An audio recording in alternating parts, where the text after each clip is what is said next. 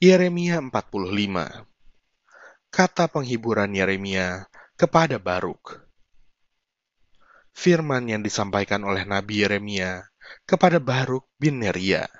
Waktu Baruk dalam tahun keempat pemerintahan Yoyakim bin Yosia, Raja Yehuda, menuliskan segala firman tersebut dalam sebuah kitab langsung dari mulut Yeremia. Beginilah firman Tuhan, Allah Israel tentang engkau, hai Baruk, oleh karena engkau telah berkata, Celakalah aku, sebab Tuhan telah menambahkan kedukaan kepada penderitaanku.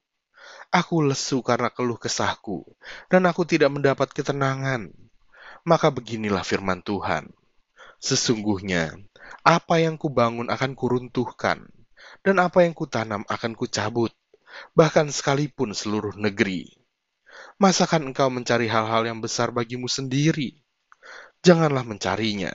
Sebab sesungguhnya aku mendatangkan malapetaka atas segala makhluk.